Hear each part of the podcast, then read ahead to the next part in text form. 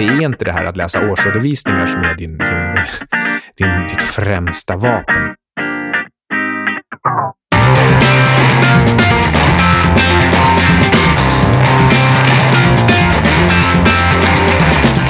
Du lyssnar på 25 minuter, en konversation om personlig utveckling. Producerad av Trade Venue AB. Vi har ett syfte i det här programmet och det är att ge verktyg och inspiration till förbättring. Jag heter Carl Mikael Syding. Med mig har jag alltid Ludvig Sundström.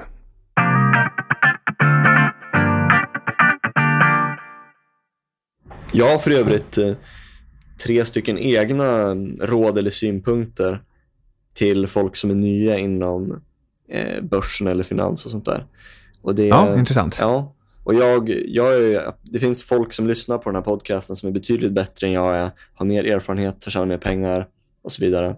Men jag har ändå hållit på i några år och har tjänat en del pengar. Så jag har i alla fall lite att eh, backa upp det med. Och mina tre råd är följande. Först, om spekulation. Spekulera inte om du inte kan syssla med det på fulltid och eh, du har ett väldigt starkt intresse för det. För att de som du ja, inom citationstecken tävlar mot, det är sådana personer som har de fördelarna och du kommer att förlora mot dem om inte du har de fördelarna. Men samtidigt så vill inte jag uppmuntra någon till att bli en, eh, vad ska man säga, en professionell spekulant. För att eh, det är ett nollsummespel. Alltså inget värde skapas eller tillförs till samhället. Så jag tycker att det är ett slöseri på intelligens och att det krävs faktiskt ganska hög intelligens för att tjäna pengar som professionell spekulant. Men ur samhällets synpunkt så är det ett slöseri på intelligens. Liksom. Kan du istället starta ett företag eller göra någonting bra? Och eh, det är inte så kul heller att vara liksom en slav till börsen och spendera sina bästa timmar framför en skärm varje dag. Eller att behöva läsa en massa nyheter om trist skit i världen istället för att förbättra sig själv och läsa coola böcker. Eh, råd nummer två om du ska hålla på med det här så fokusera endast på ett fåtal aktier eller värdepapper. För om du har hundra stycken som aktiestinsen så visar det att du inte vet vad du sysslar med, att du inte kan välja vinnarna. Eller så visar det på att du inte tror tillräckligt starkt på någon särskild tillgång. Och I så fall så borde du kanske inte äga den i första hand. Och eh, slutligen så är det inte kul att äga jättemycket olika saker utan det är roligare att äga ett par få grejer som du kan mycket om, som du är intresserad av och där du ser fram emot att lära dig nya saker om dem. Och Det är av just denna anledning som jag inte läser några finansnyheter eller årsredovisningar nu. För jag lägger min tid på annat. Och Jag har också högre avkastning på att göra andra saker. Tänk i form av alternativkostnader.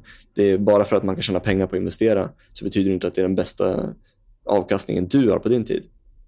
Och sen nummer tre, om du vill spekulera eller investera eller något coolt kommer så är regel nummer tre att alltid ha lite pengar redo. Always keep some powder dry som man brukar säga ifall ett guldläge skulle komma. Så det är mina tre regler och tips. Mm, bra regler. Eh, kan, det här med aktiestinsen, det, det, är lite speciellt på många sätt. Det finns ju faktiskt även en plussida med det hela. Eh, på lång sikt så är det bra att ha en exponering mot ekonomin. Och det är vad han får när han köper alla aktier som finns.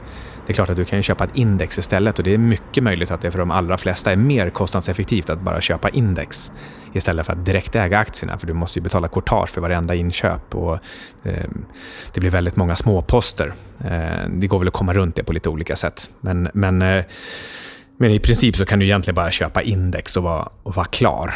Ehm, eh, hans strategi låter lite dyr.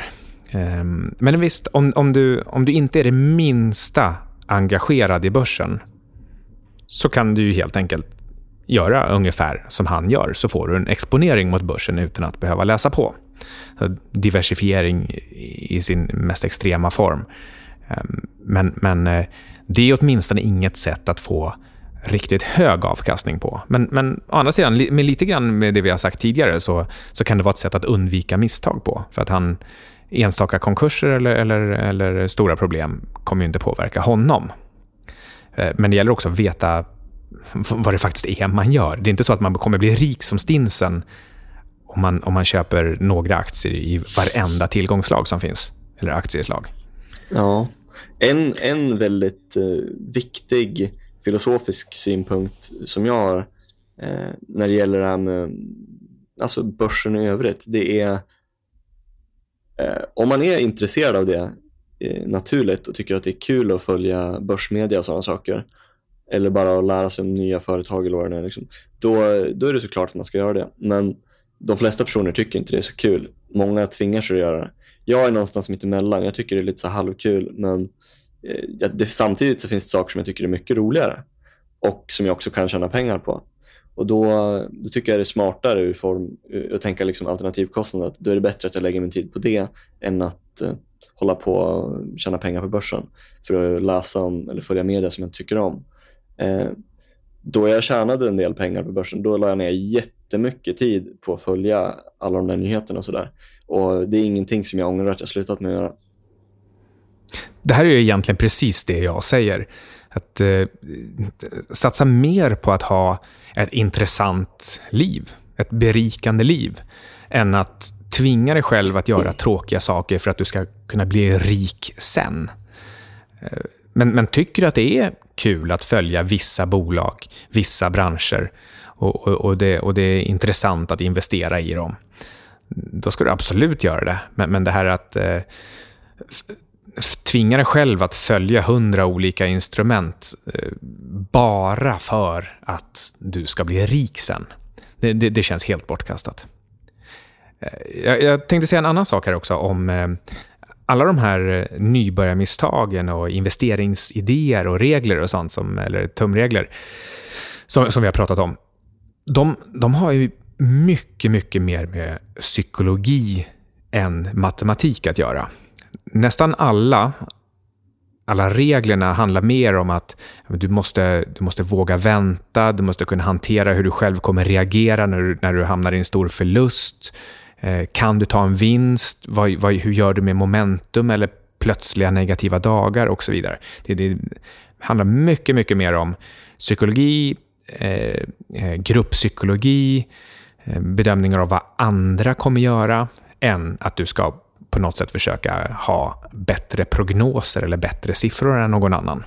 Sen finns det en aspekt av, av, eh, av värderingar och långsiktig avkastning också, men, men det, är en, det är en lite annan sak. Det kan vi komma in på något annat avsnitt kanske.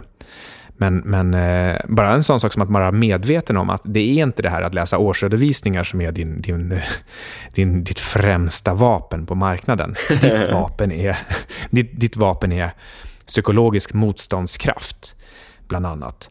Och jag tror att de, de, tidigare 19 avsnitten som vi har, eller 20 avsnitten, 21, jag vet inte riktigt var vi är just nu någonstans, men, men cirka 20 avsnitten, där vi har pratat väldigt mycket om olika typer av eh, kognitiva biases och psykologiska eh, felslut. Där finns det väldigt mycket visdom som är applicerbar på börsen, alltihop. Eh, egentligen mycket, mycket bättre än någonting som vi har sagt i det här avsnittet. Så, eh, så gå gärna tillbaka och, och, och, lyssna igenom serien med avseende på just alla de här typerna av psykologiska felslut. För, för att det är de som gör dig till en vinnare eller förlorare på börsen också, precis som i livet. Mm, ofta i allmänhet i livet.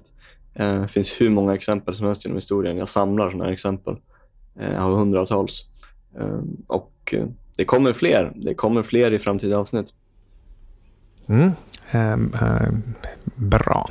Säkert bra för mig också som eh, aldrig, aldrig har gillat vare sig psykologi eller marknadsföring eller ekonomi eller personliga relationer och nätverk. Och eh, Det verkar vara det enda vi pratar om i den här serien.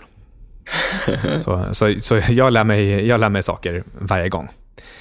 Eh, jag, jag nämnde tidigare eh, Hassman Funds och hans veckobrev.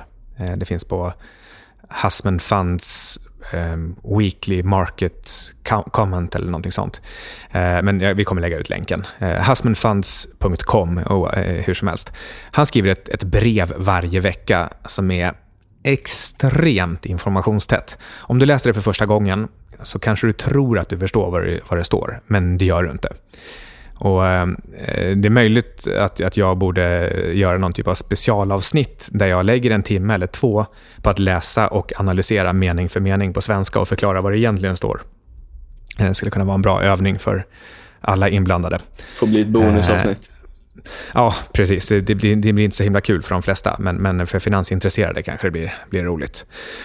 Och nytt nyttigt, inte minst. Men, men eh, oavsett det så, eh, så råder jag alla som är lite positiva till börsen att ja, gå till husbandfunds.com och lägg ordentligt med tid på att lugn och ro, mening för mening, ta dig igenom ett sånt där brev och försök tänka efter. Har jag verkligen förstått den här meningen? Förstår jag vad det är han säger egentligen? Eh, det, det, där är, vi har ingen veckans bok den här veckan, nämligen. Utan då tycker jag att det är husbandfunds.com. Vänta, om vi ska ta en veckans bok. Har vi, har ja. vi nämnt Howard Marks The Most Important Thing tidigare? Nej, den är ju faktiskt eh, Den är ju klockren i så fall. Eh, rätt här. Det, det, som är bland annat är kul med den och som jag själv känner att jag gör ofta, det är att jag säger absolut viktigaste, det är att ha tålamod, att inte lyssna på råd, att tänka på risken, att tänka på priset och så vidare. Och det är precis så han jobbar. Uh, han har, jag vet inte hur många dussintals the most important thing is. Mm, ja, vi får köra ett avsnitt om bara risk framöver. Ja, bara Howard Marks. Ja. Um, han är kungen av risk. Han, han eh, vet precis allt om risk och hur man delar upp den i 132 olika komponenter. Um, ja, men eh, Howard Marks, The Most Important Thing. Det får väl bli veckans bok då. Men, men eh, Husband Funds eh, veckobrev tycker jag är eh, minst lika viktig som veckans finansiella webbplats. Och om vi ändå är inne på att rekommendera saker att läsa och, och sådär, så varför inte en, en, podcast också? Jag har ganska nyligen fått upp ögonen för eh, Macro Voices. Den finns på macrovoices.com. Eh, den är gratis. Det är en eh, hedgefondförvaltare med lite, lite udda bakgrund, men, eh, men som gör honom desto mer trovärdig. Han, han verkligen snubblade in i det här och, och fastnade för det och gör det väldigt bra. Mycket fötterna på jorden och, och tänker igenom saker och ting från grunden. Han har ganska nyligen släppt ett par avsnitt om olja. Så är man lite intresserad av oljemarknaden och vill ha information om vilka faktorer det faktiskt är man bör beakta. Inte om slutsatsen, utan vilka inform vilken information det är man bör beakta.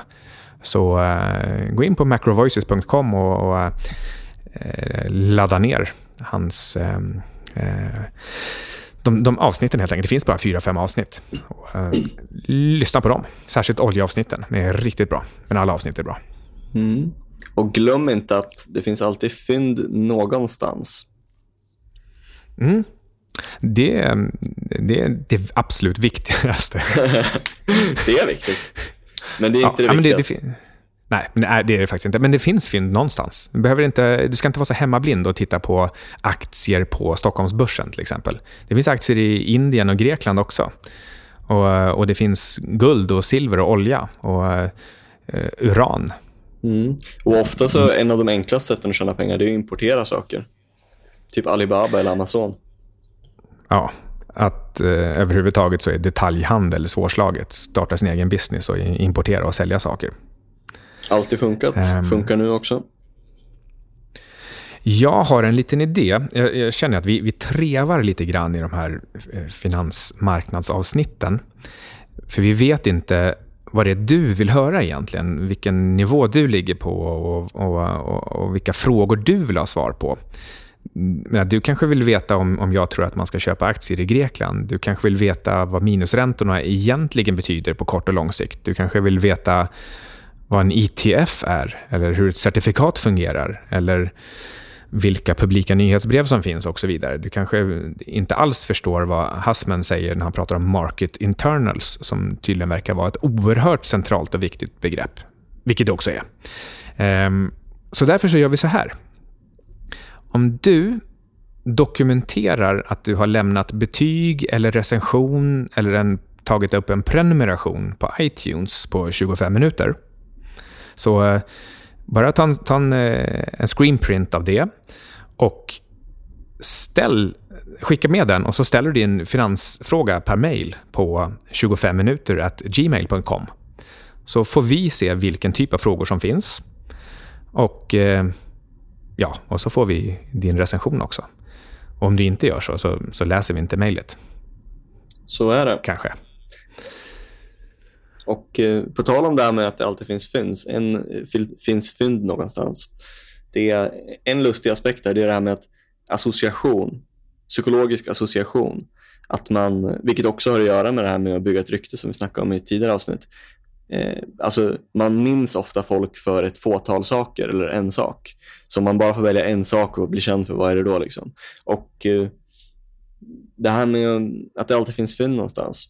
Det är väldigt vanligt bland folk som inte är experter på börsen att de associerar vissa personer som är ett, kanske finansförvaltare eller eh, hedgefonder eller eh, finanspersonligheter eller rika personer. Att de bara förknippar dem med en sak när de i själva verket har tjänat sina rikedomar på en jäkla massa olika saker. Warren Buffett är ett återkommande exempel och vi kan ta honom. Han är känd för att vara långsiktig eh, value investor med aktier. Och eh, faktum är att han har tjänat sina pengar på väldigt många olika saker. Eh, han har sysslat med allt möjligt. Han har gjort jättemycket spekulation, väldigt mycket arbitrage, eh, tjänat majoriteten av sina pengar på eh, eh, försä försäkringar, alltså högrisk återförsäkring, vad som kallas för, eh, vad heter det nu? CATS, vad fan heter det? Alltså katastrofförsäkring. Alltså, kat ja. Eh, Cats, någonting med cats. Nej, nej, men så det är naturkatastrofobligationer eller naturkatastrofåterförsäkring? Precis, det är, det, är, det är försäkring till andra försäkringsbolag. Väldigt hög risk när de personerna, när de försäkringsbolagen får slut på pengar. Eh, så för att de råkar ut för någonting dåligt då, så får de en försäkring på att de får mer pengar av Buffetts företag Geico.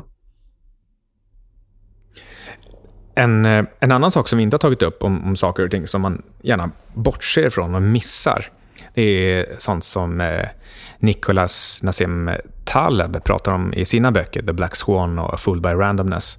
Vi har rekommenderat en av de böckerna i tidigare avsnitt. Och det är att även om ingenting har hänt hittills eller på väldigt länge så hindrar inte det att, att, att det kan hända nu. Eh, den, den, klassiska liknelsen är den med, med kalkoner som eh, de lever i perfekt ro och frid i, i tre år. Det finns ingen anledning för dem att, eh, att räkna med att det ska hända någonting annat. Och sen plötsligt så är det Thanksgiving år tre och då blir de nackade. Ehm, de tycker att det är en Black Swan, fast sett utifrån så är det inte alls någon Black Swan. Det är bara en vanlig Thanksgiving-kalkon. Mm. Och, och eh, egentligen så använder jag den här inledningen bara för att få berätta en liten, liten lustig historia. Det, ehm, eh, det finns ett byggbolag i Japan som startades på 500-talet. Och ehm, det kan ju tyckas vara ett ganska stabilt bolag. Eh, det var ganska stabilt ända fram till 1989 då den här krisen och kraschen i, Japan eh, påbörjades. Och överlevde det här företaget? Ja, det gjorde det. Ända till 2006. Men 2006, efter att ha levt i någon typ av zombie-tillvaro i 17 år, så, så gick det till slut i konkurs. Eh, och fram till 2006 så tror jag att vem som helst hade bettat på att det där företaget skulle överleva. Om det, om det överlevde i 1400 år, dessutom överlevde fastighetskraschen 1989 Eh, och, och, överlevde i ytterligare 15 år till 2005 då, då världskonjunkturen var eh, rusade uppåt. Eh, då skulle du väl verkligen överleva. Nej, så 2006, konkurs. Så jag vill bara påpeka att aldrig gå all in. Det händer saker. Nej, svårt att förutspå. Men du, det här med den där kalkonliknelsen, den fick mig att tänka på, eh, alltså om man jämför kalkonerna med nybörjare på börsen och så jämför man vanliga människor som iakttar kalkonerna, de ovetande kalkonerna, med eh, lite mer erfarna eller börsproffs som har varit med i så här, låt oss säga 5 till 15 till 20 till 40 år. Som har sett eller varit, gått igenom ett antal booms and busts, olika cykler, olika konjunkturer och gått igenom olika mm, saker i historien. Liksom. Och ja, kanske tjänat pengar på dem också, flera stycken. Särskilt folk som varit i finansbranschen. Sen ser de de som är inne nu, nyligen då kan man reagera li likadant som kalkonerna. Ja, och jag tror att om vi ska ta en liknelse som säkert några eh, som du som lyssnar kanske känner igen, så är det från eh, nystartade pokersajter. Då är det så att då, då kommer det in folk med, inte vet jag vad det heter, free rolls och free spins och free hands. De, de, de, de får spela för lite pengar i början. Så drar man till sig massa, massa noobs och så sitter proffsen där och, och, spelar 14 händer på 14 olika nybörjarsajter och bara rakar in pengarna. De ser direkt vem som är nybörjare. Lurar in dem med kanske små, lätta små vinster och, och sen bara plockar dem. Um, det är lite så proffsen ser på, Eh, på, på börsmarknaden. Eh, liknelsen är inte perfekt, för det är nämligen också så att några av de absolut största placerarna på börsen stora pensionsfonder och liknande, de beter sig som nybörjare. Så eh, eh ja, det, det, är inte, det är inte en helt självklar liknelse, men, men eh, och, och, det är kanske är lite svårare också att förutspå börsen jämfört med ett pokerparti. Eh, men icke desto mindre så, eh, så ser man en mängd riktigt taffliga misstag begås. Och, ja, det är, det sorgligt skådespel helt enkelt. Ja, men varför gör de stora fonderna och andra stora marknadsaktörer sådana här misstag då? Det, det ska inte du svara på mycket, för att det ska vi snacka om i ett framtida avsnitt. Där vi snackar om ja. varför många ekonomiska teorier som i teorin borde funka, inte funkar i praktiken. Just det, det blir bra. Men eh, då är det så här att eh, du som lyssnar är jätteglada för att du lyssnar på vårt mumlande om börs och psykologi och annat spännande här i livet. Det är tradevenue.se som eh, producerar det här. Gå gärna in på tradevenue.se och kolla runt lite grann. Det finns massor med spännande bloggare och andra verktyg där och det, det bara växer hela tiden. Det, det kan nog bli en, eh, en riktigt spännande sajt.